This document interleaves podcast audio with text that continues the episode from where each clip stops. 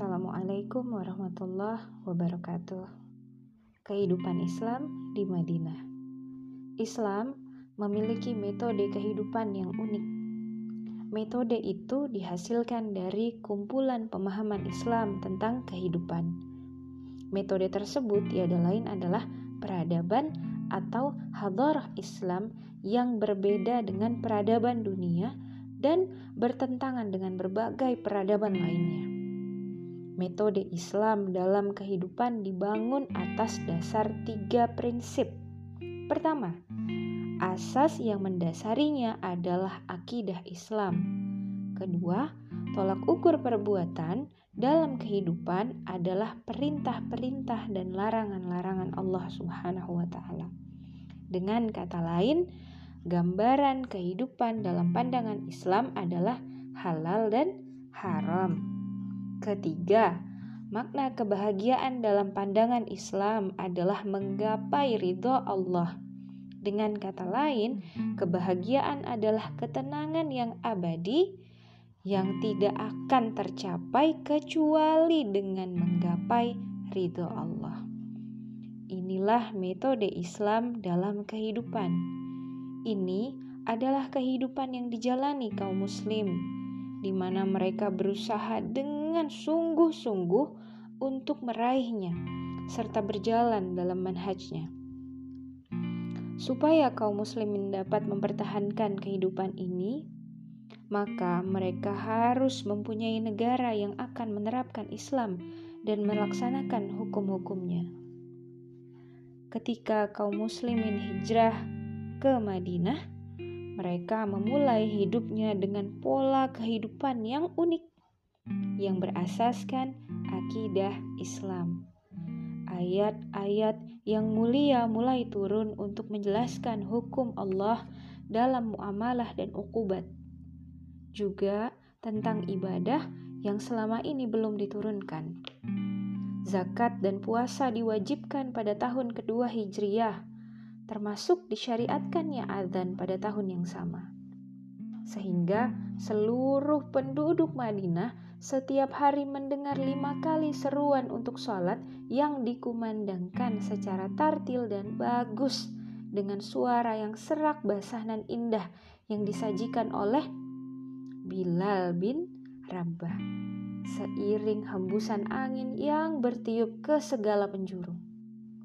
Kaum muslimin selalu memenuhi seruan untuk menunaikan sholat tersebut belum genap 17 bulan Rasul tinggal di Madinah, maka terjadilah perubahan arah kiblat ke Ka'bah. Turun pula ayat-ayat hukum secara berturut-turut mengenai ibadah, makanan, akhlak, muamalah dan ukubat. Maka turunlah ayat-ayat yang mengharamkan khamar dan daging babi seperti halnya turun pula ayat-ayat tentang hudud, jinayat, jual beli, pengharaman riba, dan lainnya. Ayat-ayat hukum turun secara berturut-turut untuk memecahkan berbagai problematika kehidupan. Sementara itu, Rasul Shallallahu Alaihi Wasallam memberikan rincian dan penjelasannya. Artinya apa? Artinya ayat-ayat Quran diperjelas lagi di dalam hadis Rasulullah. Maka untuk menemukan hukum kita e, harus merujuk hadis Rasulullah untuk melihat bagaimana kejelasan hukumnya. Begitu pula yang memenuhi berbagai kemaslahatan manusia. Jadi, itu semua juga dipenuhi oleh Rasulullah bagaimana ketika Rasulullah memutuskan persengketaan-persengketaan, ya kan?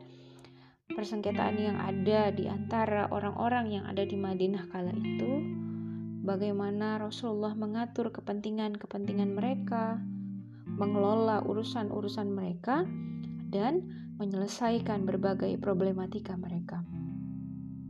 Semua itu dilakukan Nabi Shallallahu Alaihi Wasallam dengan ucapan-ucapannya dalam perbincangan bersama mereka, dengan perbuatan-perbuatan yang beliau lakukan sendiri, dan dengan diamnya beliau terhadap perbuatan-perbuatan yang terjadi di hadapannya. Ucapan, perbuatan, dan diamnya Rasul adalah syariat. Karena beliau tidak pernah berbicara dari hawa nafsu, melainkan seluruhnya adalah wahyu yang disampaikan kepadanya. Jadi, segala sesuatu yang disandarkan kepada Rasulullah Shallallahu Alaihi Wasallam adalah syariat. Kehidupan di Madinah terus berjalan dalam metode tersebut dan sesuai dengan arah pandang tertentu yaitu arah pandangan Islam. Terwujudlah masyarakat Islam yang khas dalam segala hal yang dikendalikan oleh pemikiran dan perasaan Islami yang diterapkan di dalamnya sistem Islam terhadap seluruh umat manusia dalam muamalah dan seluruh interaksi mereka hati Rasul Shallallahu Alaihi Wasallam menjadi tenang dengan segala keberhasilan yang telah dicapai oleh dakwah. Kaum Muslim juga menjadi tenang dalam agama mereka dan menjalankan kewajiban-kewajiban mereka.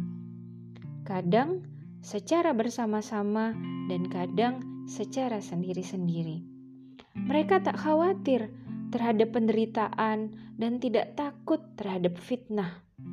Mereka menyelesaikan berbagai urusan dengan hukum-hukum Allah dan mengembalikan apa-apa yang belum mereka ketahui kepada Rasulullah.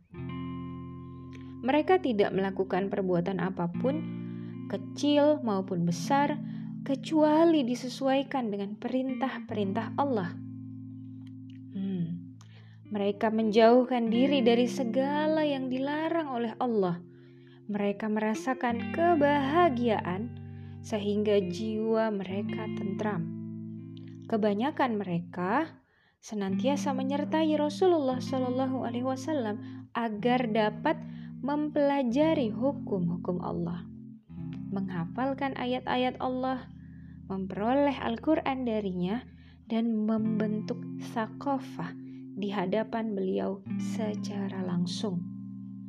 Hal ini menjadikan Islam semakin tersebar luas dan kaum muslim pun setiap hari semakin meningkat kekuatan dan daya tahannya. Masya Allah, luar biasa ya. Memang kalau suatu masyarakat itu akan terbentuk sebagai masyarakat Islam ketika pemikirannya, perasaannya, dan aturan yang mengikat orang-orang yang ada di dalam situ merupakan pemikiran Islam, perasaan Islam, dan aturannya adalah aturan Islam. Sebaliknya, ketika pemikirannya, perasaannya, dan aturannya bukan Islam, maka dia tidak disebut masyarakat Islam. Dari sini kita bisa melihat bagaimana Islam mampu menyelesaikan semua problem masyarakat kala itu. Di dalam slide, Ibu mencontohkan uh, apa saja yang menjadi contoh daripada ayat-ayat muamalah yang nanti antum bisa melihatnya di dalam Al-Quran dan membaca tafsirnya di dalam kitab-kitab tafsir bagaimana Islam melalui satu ayat saja bisa menyelesaikan banyak sekali problem yang kita hadapi di dunia ini. Apalagi ketika keseluruhan syariat Islam itu diterapkan, maka masya Allah luar biasa. Oke, sekian dari ibu ya. Semoga ini menjadi keberkahan untuk kita semua.